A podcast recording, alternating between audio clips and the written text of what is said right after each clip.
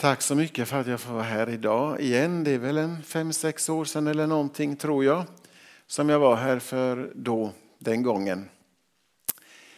Ja, jag ska predika över det som var temat för 14 dagar sedan i kyrkåret och det var ju medmänniskan. Jag vet inte om ni brukar titta på helgsmålsringningen på tv, men det var ju så roligt att vi fick möjlighet att vara med därifrån sjukkyrkan i Skövde. Är det någon av er som har sett det? Det var en del ja. Eh, så det var ju två stycken program i vintras och så var det nu två och alla de här fyra spelades in i november förra året. Och det var egentligen tack vare min son kan jag ju skryta om då. Han jobbar på Sveriges Television i Växjö och hade av någon anledning varit i kontakt med denna Johannes Söderberg som är eh, producent för det här gamla programmet. Det är ju Sveriges Televisions näst äldsta program efter Antikrundan över 50 år nu och de har ju höga tittarsiffror. Så det är ju en så här många smygtittare brukar man säga. Och då hade han sagt så här, ja min pappa jobbar i sjukkyrkan, han har aldrig tänkt på att göra någon helgmålsringning från den kyrkan eller så. Och då fick jag ett mejl och så var det på den vägen.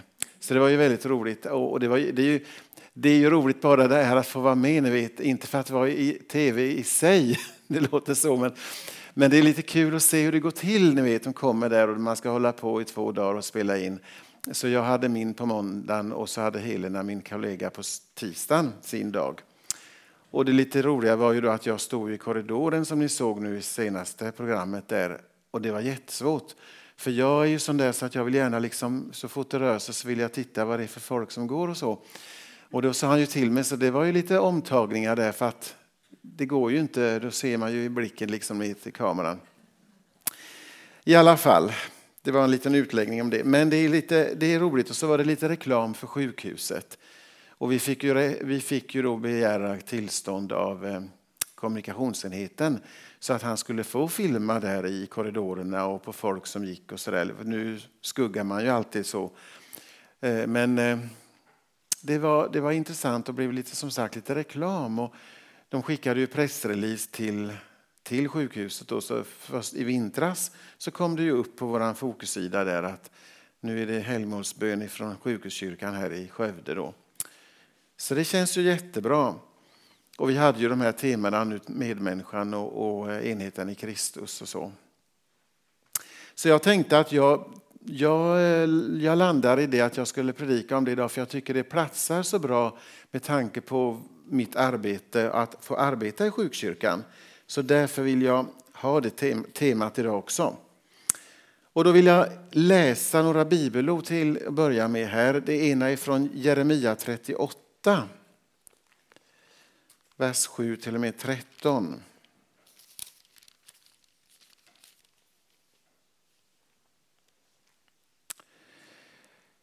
Nubien Evedmelek, en hovman som befann sig i kungapalatset, fick höra att de hade kastat Jeremia i brunnen. Kungen satt då i Benjaminporten och Evedmelek lämnade kungapalatset för att gå och tala med kungen. Min herre och konung, det som dessa män har gjort mot profeten Jeremia är ett svårt brott. De har kastat honom i brunnen och där kommer han att svälta ihjäl. Det finns ju inte längre något bröd i staden. Kungen gav då Nubien Evedmelek denna befallning. Ta med dig tre män härifrån och dra upp profeten Jeremia ur brunnen innan han dör. Evedmelek tog med sig männen till klädkammaren i kungapalatsets förråd. Där hämtade de trasor av gamla utslitna kläder och firade ner dem till Jeremia i brunnen med rep. Nubien Evedmelek ropade till Jeremia Lägg klädtrasorna i armhålorna under repen. Jeremia gjorde så. Och de drog upp honom med repen ur brunnen. Men Jeremia måste stanna på vaktgården. Och så läser vi från Romarbrevet 12. Verserna 16 21. Bemöt alla lika och håll er inte för goda att umgås med dem som är ringa. Var inte självkloka. Löna inte ont med ont. Tänk på vad som är riktigt för alla människor. Håll fred med alla människor så långt det är möjligt och kommer an på er. Ta inte rätten i egna händer, mina kära, utan låt Guds vrede ha sin gång. Ty det står skrivet, min är hämnden, jag skall utkräva den, säger Herren. Men är din fiende hungrig, ge honom att äta. Är han törstig, ge honom att dricka. Då samlar du glödande kol på hans huvud. Låt dig inte besegras av det onda, utan besegra det onda med det goda. Och som från Matteus 7 och 12. Och det kommer ju upp där också tror jag, eller? Ja. Eh, det är ett väldigt välkänt bibelord som ni kan. Men jag skulle slå upp det ändå tänkte jag. Eh, allt vad ni vill, ni vet. Allt vad ni vill att människorna ska göra för er, det ska ni också göra för dem. Det är vad lagen och profeterna säger. Ja, den här dagen, medmänniskan, det är ju en särskild, särskilt tema under ett kyrkoår, men det är ju ändå någonting som vi lever med hela tiden. Den här söndagen har också kallats för diakonins dag. Och diakoni det betyder ju tjänande, alltså tjänandets dag. En dag då vi särskilt fokuserar på det som är kristna kyrkans livselexir, nämligen att, nämligen att vara Jesu händer. Och det är ju som Olof Hartman har skrivit i en fin bön. Att höra de rop som du har hört, förstå den nöd som du har förstått, tjäna den mänsklighet som du har tjänat. Och när vi sträcker ut våra händer emot mänskligheten så är det ju Jesu händer som vi är, får vara bland människorna. Och när vi böjer oss ner för att tvätta varandras fötter så följer vi Jesu exempel som han har uppmanat oss att göra. För Jesus säger ju också på ett ställe i Lukas där att var barmhärtiga så som er himmelske fader är barmhärtig. Den ganska nyligen eh, hemgångne prästen och författaren Karl-Erik Salberg känner ni också igen tror jag. Han har sagt så här att evangelisation det stavas D-I-A-K-O-N-I, diakoni. Vi framhåller ju ofta i eh, sjukkyrkan, till skillnad ifrån alla andra kyrkor, att vi inte är en missionerande kyrka. Det är för oss en väldigt viktig ingång i vårt arbete på sjukhuset att eh, folk ska kunna känna sig trygga med det. Jesus har ju gett oss missionsbefallningen och vi ska förkunna evangeliet som Guds församling i världen och göra alla folk till lärjungar. Men eh, på sjukhuset kommer vi i ett helt annat sammanhang. Eh, vi kommer nämligen till en sluten enhet mitt i världen kan man säga, i samhället där människor som är särskilt drabbade och utsatta vistas tillsammans bland många olika professioner av betjänande medmänniskor som ger vård och lindring och stöd på olika sätt.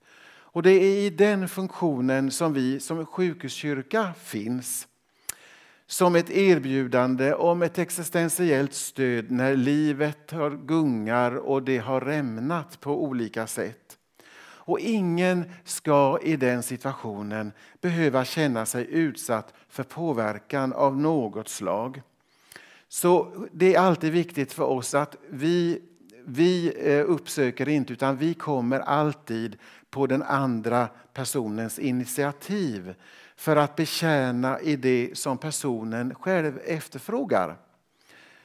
Och då vill jag läsa en liten dikt här som just heter Diakoni och som talar om det här förhållningssättet som faktiskt är väldigt bibliskt och som Jesus också hade hela tiden. Han kom alltid utan eh, baktanke så att säga. Han kom för att han älskade människan. Jag kommer inte med min tro för att övertyga dig jag kommer för att dela ditt tvivel. Jag kommer inte full av styrka för att lyfta dig mot skyn. Jag kommer i min svaghet så att jag kan vara med dig. Jag kommer inte med någon rikedom för att mätta dina begär. Jag kommer fattig så att vi kan berika varandra. Jag kommer inte med någon makt och myndighet. Jag kommer nerifrån för att ge dig perspektiv. Jag kommer inte för att trampa på din skörhet. Jag kommer varsamt för att du inte ska gå sönder och ge upp. Jag kommer inte med buller och bång i en skramlande hop. Jag kommer ensam så att du kan göra dig hörd. Jag kommer inte av tvång eller för att vinna ryktbarhet. Jag kommer ur min egen frihet för att tjäna i glädje. Jag kommer inte och tvingar mig på när du vill vara i fred. Jag kommer då din blick är tom och natten har blivit alldeles för mörk. Och effekten av det här förhållningssättet det blir ju faktiskt i slutändan ändå mission. Eh, därför att när vi läser om hur Jesus förhöll sig till medmänniskorna så var det ju det som präglade honom. Det blir i den slutändan på det sättet när vi möter människan utifrån det jag nu precis läste. Deras initiativ. Och det är ju så här också att det upplever vi ofta att vi hör ju ofta när de ringer från avdelningar att ja, nu är det någon, vi har föreslagit att ni kan komma ifrån sjukhuskyrkan. Och då säger de ibland så här, ja, men jag är ju inte kyrklig och jag tror ju inte på Gud och jag sådär. Va? Då säger de att men det behöver man inte göra, man kan få möta oss ändå, svarar personalen då. Och precis så är det. Därför att de existentiella behoven har ju alla människor. Och man, vad man än tror på eller man inte tror på något så har man existentiella frågor och tankar. Och då kan vi komma där och vi kan vara en lyssnan, ett lyssnande öra. Och det här med att ett exempel på att vara, eh, eh, att vara på den andres initiativ det är ju det här att inte vi behöver känna att vi måste Eh, förmedla någonting så fort vi kommer. Det vet vi att vi gör. Vi förmedlar ju eh, vad ska man säga, med mm, kärlek och Guds kärlek. Men det här att låta folk få sätta ord på det de egentligen går och bär på, det är ju det de egentligen behöver. De behöver inte en massa, en massa eh, fakta eller så här, eller teologi. Och då har jag ett exempel från en kollega i Småland som berättade om när hon kom till en döende kvinna som frågade henne när hon kom, vad tror du händer när man dör? Då tänker vi kanske spontant att vi skulle ha börjat på där och läsa vad som står nu, vad vi tänker. Så här. Nej, då sa hon bara, vad, tänker, vad tror du själv? Ja, jag tror som min mormor trodde. Jaha, och hur trodde din mormor då? Och då fick ju kvinnan själv sätta ord på vad hon tänker om himlen och vad som väntar henne när hon ska dö. Och så berättar hon vad det var för någonting och hon tänkte om hur det skulle kunna tänkas bli. Det vet vi ju ingen av oss. Men vi, så, så hon beskrev ungefär, vi har väl olika bilder gissar jag nästan alla hur det kommer att bli. Och när hon var färdig så svarar min kollega, ja men då kan jag ju säga till dig att jag tror som din mormor trodde. Och så var det. Det är ett exempel på det här att möta människor på det där sättet. Så de känner att de får formulera sina, sin oro, sina tankar och sina frågor. När vi läser texterna idag så möter oss egentligen ett mycket enkelt formulerat innehåll. Det är så konkret och jordnära att vi nästan kanske för snabbt tenderar att gå förbi det vi läser. Och då blir det nästan, som, då blir det nästan vår nästa som får ta konsekvensen av det. Här tänker jag då att det är plats att påminna om enkelhetens betydelse. Det stora i det lilla. Och det behövs tid och stillhet att upptäcka och se guldkornen när så mycket omkring oss brusar och rör sig hela tiden och vill fånga vår uppmärksamhet. Det finns djup i Herrens godhet och dess gränser ingen ser. Det finns värme i hans domslut mer än någon frihet ger, skriver ju Britt G. Hallqvist i sin kända psalm. Och det finns en titel på en bok som Liselott J Andersson har skrivit som heter Skatter dolda i mörkret. Jag hörde att ni hade skattkammaren här va? skatter dolda i mörkret.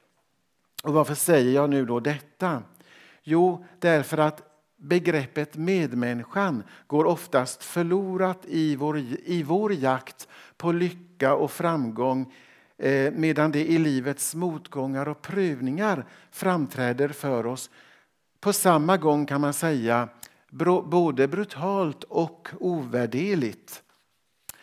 Det är, det är när vi delar livets skörhet som vi kommer närmare varandra i medmänsklighet.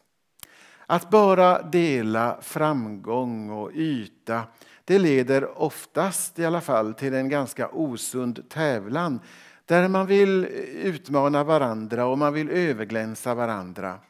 Men att dela både ljuvt och lätt, som det gamla ordspråket säger, det leder oss in i personlig mognad och utveckling. Det talas idag mycket om eh, så kallade whistleblower, alltså visselblåsare. Personer som visar mod och avslöjar oegentligheter som drabbar människor, djur eller natur på olika sätt. Vi, kan ju ha, vi har väl kanske många exempel. Jag vet inte, jag tänker på Greta Thunberg och jag tänker nu på det förfärliga i Ryssland. Det finns en och annan som vågar, som vågar med nästan livet som insats gå emot regim och ifrågasätta. Och det kommer ju nu precis i dagarna en ny dokumentär av en e- Elin Jönsson, reporten där, som hon har jobbat med människor som, i ryska människor som är rädda eller som går emot det som de är indoktrinerade med. Eh, Jeremia han var en stor profet. Men man skulle kanske i en mening faktiskt också kunna kalla Jeremia för whistleblower. Han var en sån som fick ta väldigt mycket stryk. Han har ju inte för inte kallats för tårarnas profet. Han har eh, fått utstå mycket i sitt uppdrag för att varna människor. De ville ändå inte tro på det. Och han fick förmedla ett tungt och obekvämt budskap för Israels folk eh, som de ändå inte ville lyssna till. De ville helt enkelt inte höra om Jerusalems fall och babyloniernas övertagande. Och därför blev han för, förföljd, hotad till livet på alla sätt och föraktad. Men i den här texten jag läste idag så framträder en tydlig annan sån här whistleblower, nämligen den här Eved Melek. Alltså Eved Melek som var invandrare, nubien som det står, som såg längre än det här inhemska folket. Han såg Jeremia som sin medmänniska och hur illa omgivningen behandlade honom för att de inte ville förstå det budskap som han förmedlade. Och Det gjorde att Eved Melek kände medlidande med Jeremia och agerade. Kung Sidkia befann sig i den här, som vi läste, Benjaminporten som var Jerusalems domstol. Och dit begav sig Eved Melek för att vädja för sin medmänniska Jeremia. Fortsättningen i det här eh, sammanhanget understryker konkret vad vi behöver i mötet med en medmänniska. Alltså, det behövs såklart eh, mod och handlingskraft men också praktiska åtgärder så att insatsen ska bli både möjlig och skonsam. Vi förstår ju alla hur förfärligt det var att ligga i en torr brunn och där man också känner hur det liksom eh, dras neråt i det här gyttjan som blev. När vi befinner oss på brunnens botten så kan ingenting annat lyfta oss än kärlek och barmhärtighet som tillsammans med varsamma händer, en fast iakttagande blick uppmärksamma öron och kraftfulla armar som kan ge oss livsgnistan tillbaka.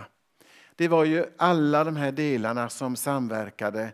Både det här praktiska men också i grunden kärleken och barmhärtigheten som agerade. Det behövdes inte bara rep utan också tyg så att kroppen, Jeremias kropp inte skulle ta skada vid insatsen. Det var viktigt att det fanns det här repet som skulle dra, men det behövdes också vara mjukhet, det behövdes vara värme och kärlek så att han inte skulle få skador på huden. Vi behöver, ni förstår bilden med allt det här jag säger nu. Jag förstår att ni är med på det. Jag tror det i alla fall. Vi behöver också vishet och kunskap i våra möten för att det ska få en sån här önskvärd effekt. Allt ska syfta till min medmänniskas upprättelse och helande. Det är diakoni och det är evangelium. Det är att göra Jesus sedd, känd och älskad. Och det är att göra Guds vilja. Allt vad ni vill att människorna ska göra er, det ska ni göra för, också för dem, säger Jesus. Medmänniska. Vi är alla människor som delar livets villkor. Jag behöver ju att ni är med mig och ni behöver att jag är med er. Som du läste i inledningen, vi bär varandras bördor. För det är ingen av oss som aldrig har en börda. Men ibland när livet är bra för mig och jag är stark så orkar jag. När andra tider kommer då jag är trött och sliten, då behöver jag att ni hjälper mig och bär mig. Bär varandras bördor, vi tvättar varandras fötter. Och Det finns en sån fin dikt om det här som heter just själavård. En dikt som är skriven av Nils Bolander. Och jag vill gärna läsa den. Inte ska jag predika för dig, inte överskölja dig med svall av fromma fraser och schabloner, inte anlägga den prästerliga korpralstonen eller briljera med mitt psykologiska vetande, ännu mindre sätta mig på några höga hästar och fälla dräpande domar. Nej, Låt oss slå oss ner tillsammans och tala förtroligt och öppet med varandra som syskon. Två små människor som bägge har sitt att slita med och bägge kommit till korta så bittert många gånger. Jag ska lyssna uppmärksamt så länge du vill tala om ditt hjärtas ångest och ditt väsens natt. Ingenting ska chockera mig och göra mig förlägen, inte det mörkaste mörka och det grövsta grova. Och när du har talat dig trött och tom ska vi läsa gemensamt i den gamla svarta boken med det nya ljusa innehållet om honom som inte kastar ut den som kommer till honom som förlåter 70 gånger sju gånger och gör blodröda synder snövita. Sedan ska vi böja knä sida vid sida, två benådade syndare och tacka Gud för hans osvikliga löften, för hans långmodighet och för upprättelsens under. Allra sist går vi fram till det heliga bordet, dukat endast för syndare av syndares frälsare. Offerplatsen, eh, vigningsplatsen till ny frimodig tjänst i Guds bitterljuva värld. Hur blir vi då varandras eh, medmänniskor? Ja, det måste ju till ett möte. Ett ord i vilken det idag kan sägas väl ha gått lite inflation. Vi förknippar det mycket med ett stressigt arbetsliv. Och jag hör ju personalen på sjukhuset ibland hur de suckar att det är ju inget annat än möten och möten och möten. Och man springer på det och man springer på det och ni känner nog igen det i arbetslivet att det är möten. Och ibland kan man undra hur fruktbart det egentligen är faktiskt. Jag tänker på Martin Tonell, kommer ni ihåg honom? Vår gamla missions... Eh, föreståndare, han är hemma hos Herren nu, som var i Philadelphia, Stockholm, Martin Tonell. Han var en väldig organisationsmänniska och ett styrelseproffs kan man ju säga. Men han var ändå väldigt förståndig. Han sa vid ett tillfälle i Mariannelundsskolans styrelse där jag var med. Ja, det minst fruktbara trädet, sa han, det är sammanträdet. Så det är, ligger väl något i det. Men nu ska jag inte prata om det. Jag ska säga att möte kan också vara något väldigt fantastiskt. Eh, jag tänker på att eh, nu för tiden så går ju även vi frikyrkofolk på gudstjänst. Det säger vi nästan mer allmänt att det är gudstjänst. När jag var barn på Öland, i norra Öland, där jag uppväxt, så var det ju alltid möte. Det var väckelsemöte och det var förmiddagsmöte och det var bönemöte och det var, jag vet inte allt, det var olika möten. Men jag tycker just att, alltså det, vi kan ju prata lite så raljant om det, eh, kan man väl göra kanske ibland. Men det tror jag nog inte vi ska, för det finns någonting väldigt vackert i det här lilla ordet möte. Om vi verkligen stannar upp inför vad det betyder. Och det är det jag tänker på när det gäller att kunna vara en medmänniska. För att kunna vara det så måste det bli ett möte mellan himmel och jord, Gud och människa och mellan dig och mig. Och det måste även vara ett möte mellan mig och mig själv, för att säga så. Jag måste kunna bli stilla i mig själv. Så möte, jag brukar ta det här lilla ordet som en akronym för att det finns få fyra nyckelord i detta. Det första då, M, det är M som i mod. Det krävs ett mod att möta en annan person. Och där har vi det första nyckelordet för att ett verkligt medmänskligt möte ska formas. Och när modet öppnar vägen till min broders hjärta eh, så behövs det ju öd, behöver jag ödmjuka mig.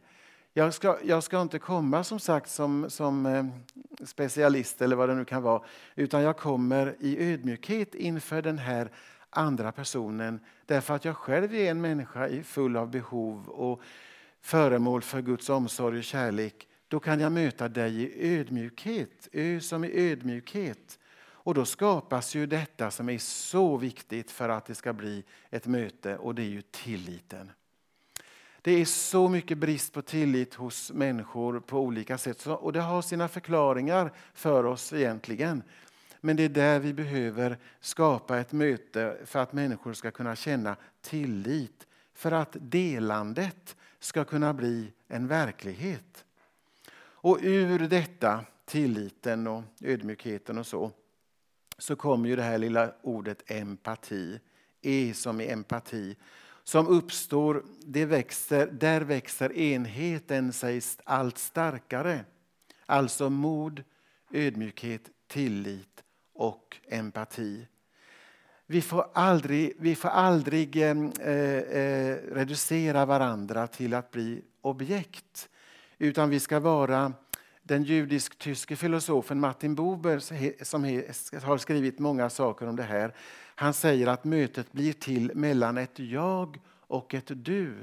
Men om jag betraktar dig som ett det, då blir det inget, inget möte. Då blir det bara något konstigt och det kan lätt bli missförstånd och eh, reaktioner som inte är fruktsamma. Men jag, när, du, när jag möter dig, när du och jag möts, då blir det ett möte. Eh, och för att mötet med dess konsekvenser ska kunna bli en verklighet så behöver vi ju också en solid grund att bygga det här mötet på. Och då brukar jag framhålla det här med de här tre viktiga grundstenarna för att, eh, för att det ska kunna bli ett möte.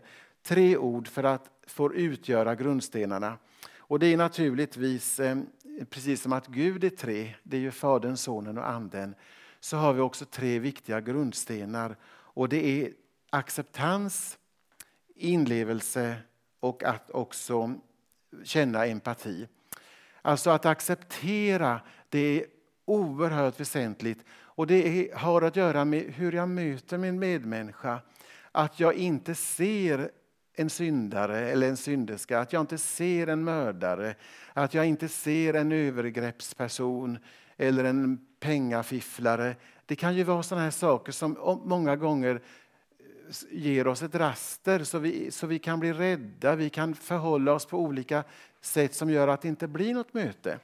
När Jesus möter människor så ser han inte som ni vet alla de här exemplen som finns. Det var inte äktenskapsbryterskan, det var inte synderskan i Simons hus. Det var människan. Det är människan vi ska möta. Därmed är det ju inte sagt att vi accepterar, att vi tycker att det är okej okay, så att säga med saker och ting som vi vet att folk gör och som jag själv har gjort och som är fel och sådär. Det är ju inte det vi gör. Men det vi gör det är att vi ser människan som är skapad och älskad av Gud. Alla människor har det i botten, i grunden så är det så. Samma människovärde oavsett hur livet har farit fram med oss på olika sätt.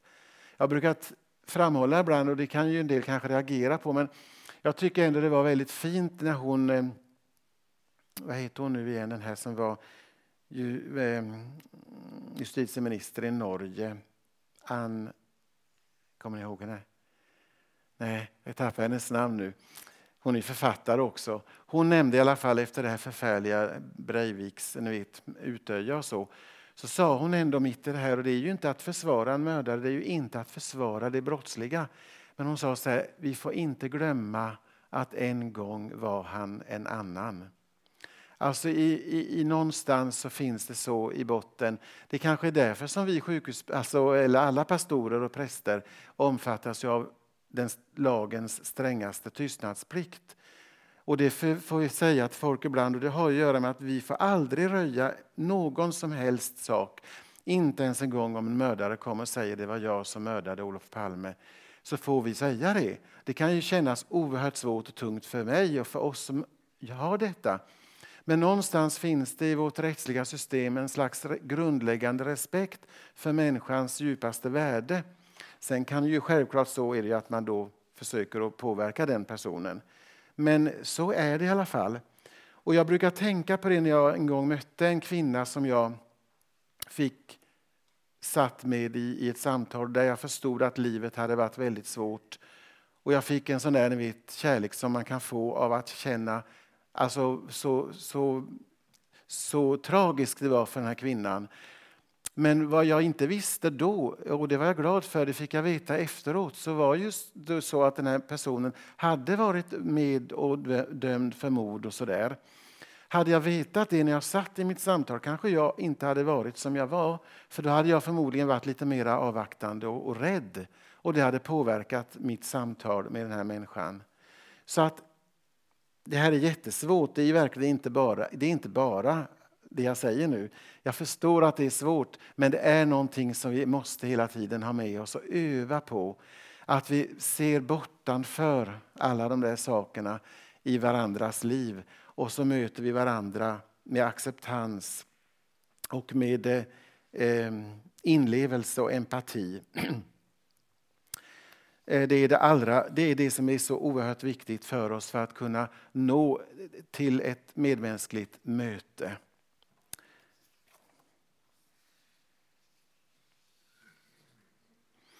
Och Det vi kan ha med oss i, grund, och, och i grunden också det är ju det här att eh, ni vet att det står om Gud att han är, han är barmhärtighetens fader i andra Korintierbrevet. Barmhärtighetens fader och all trösts Gud. Det ska vi ha med oss för att vi ska kunna trösta andra i de, svår, i de svårigheter som de har utifrån att vi själva har fått nåd och barmhärtighet ifrån barmhärtighetens fader och all trösts Gud. Så det är hela tiden en växelverkan. Vi möter andra så som vi själva har blivit mötta av Jesus, av Gud själv. Och då kan vi också ge varandra den här respekten, den här ödmjukheten. Och det där det kanske också jag kan nämna som en liten grunddel i, i det medmänskliga mötet. Eh, med det här med respekten. Ordet respekt hör vi talas väldigt mycket om. Men det, det det betyder det är egentligen ordagrant att se en gång till. Re betyder ju åter och spektera betyder att se. Respektera, se en gång till. Och det är det som det handlar om att stanna upp lite.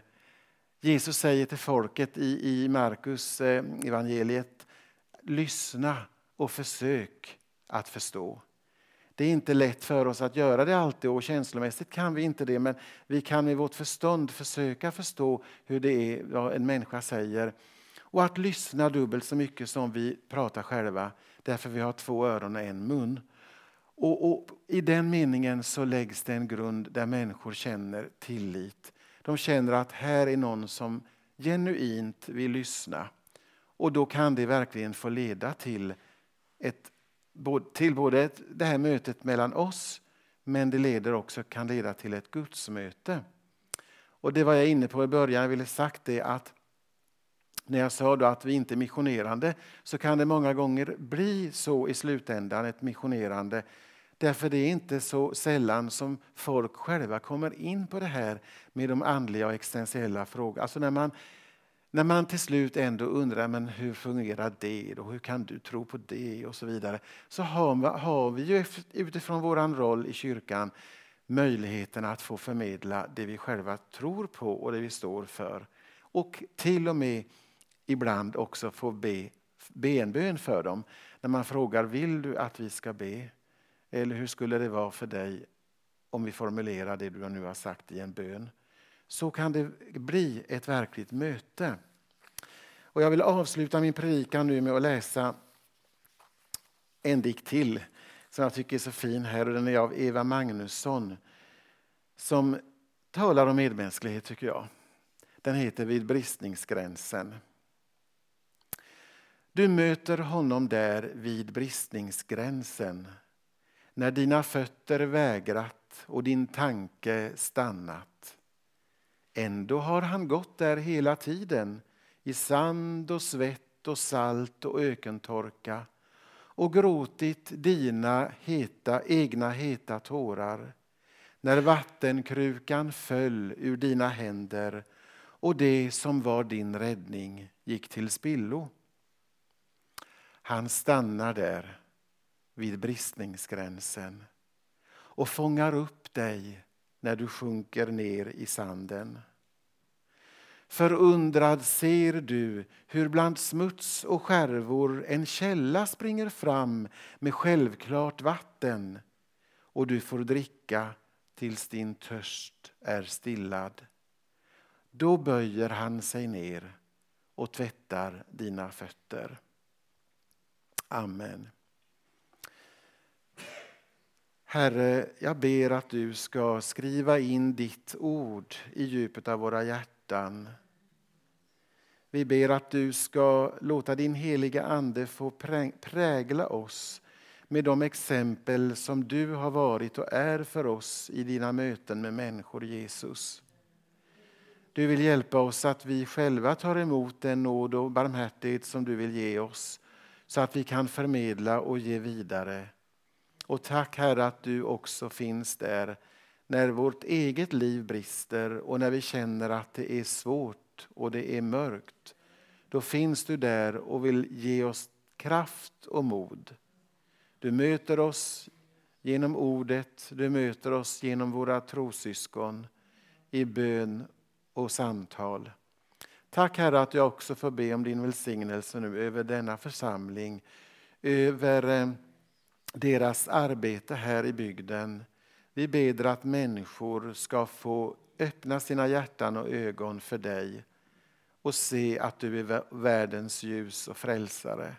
I Jesu namn. Amen.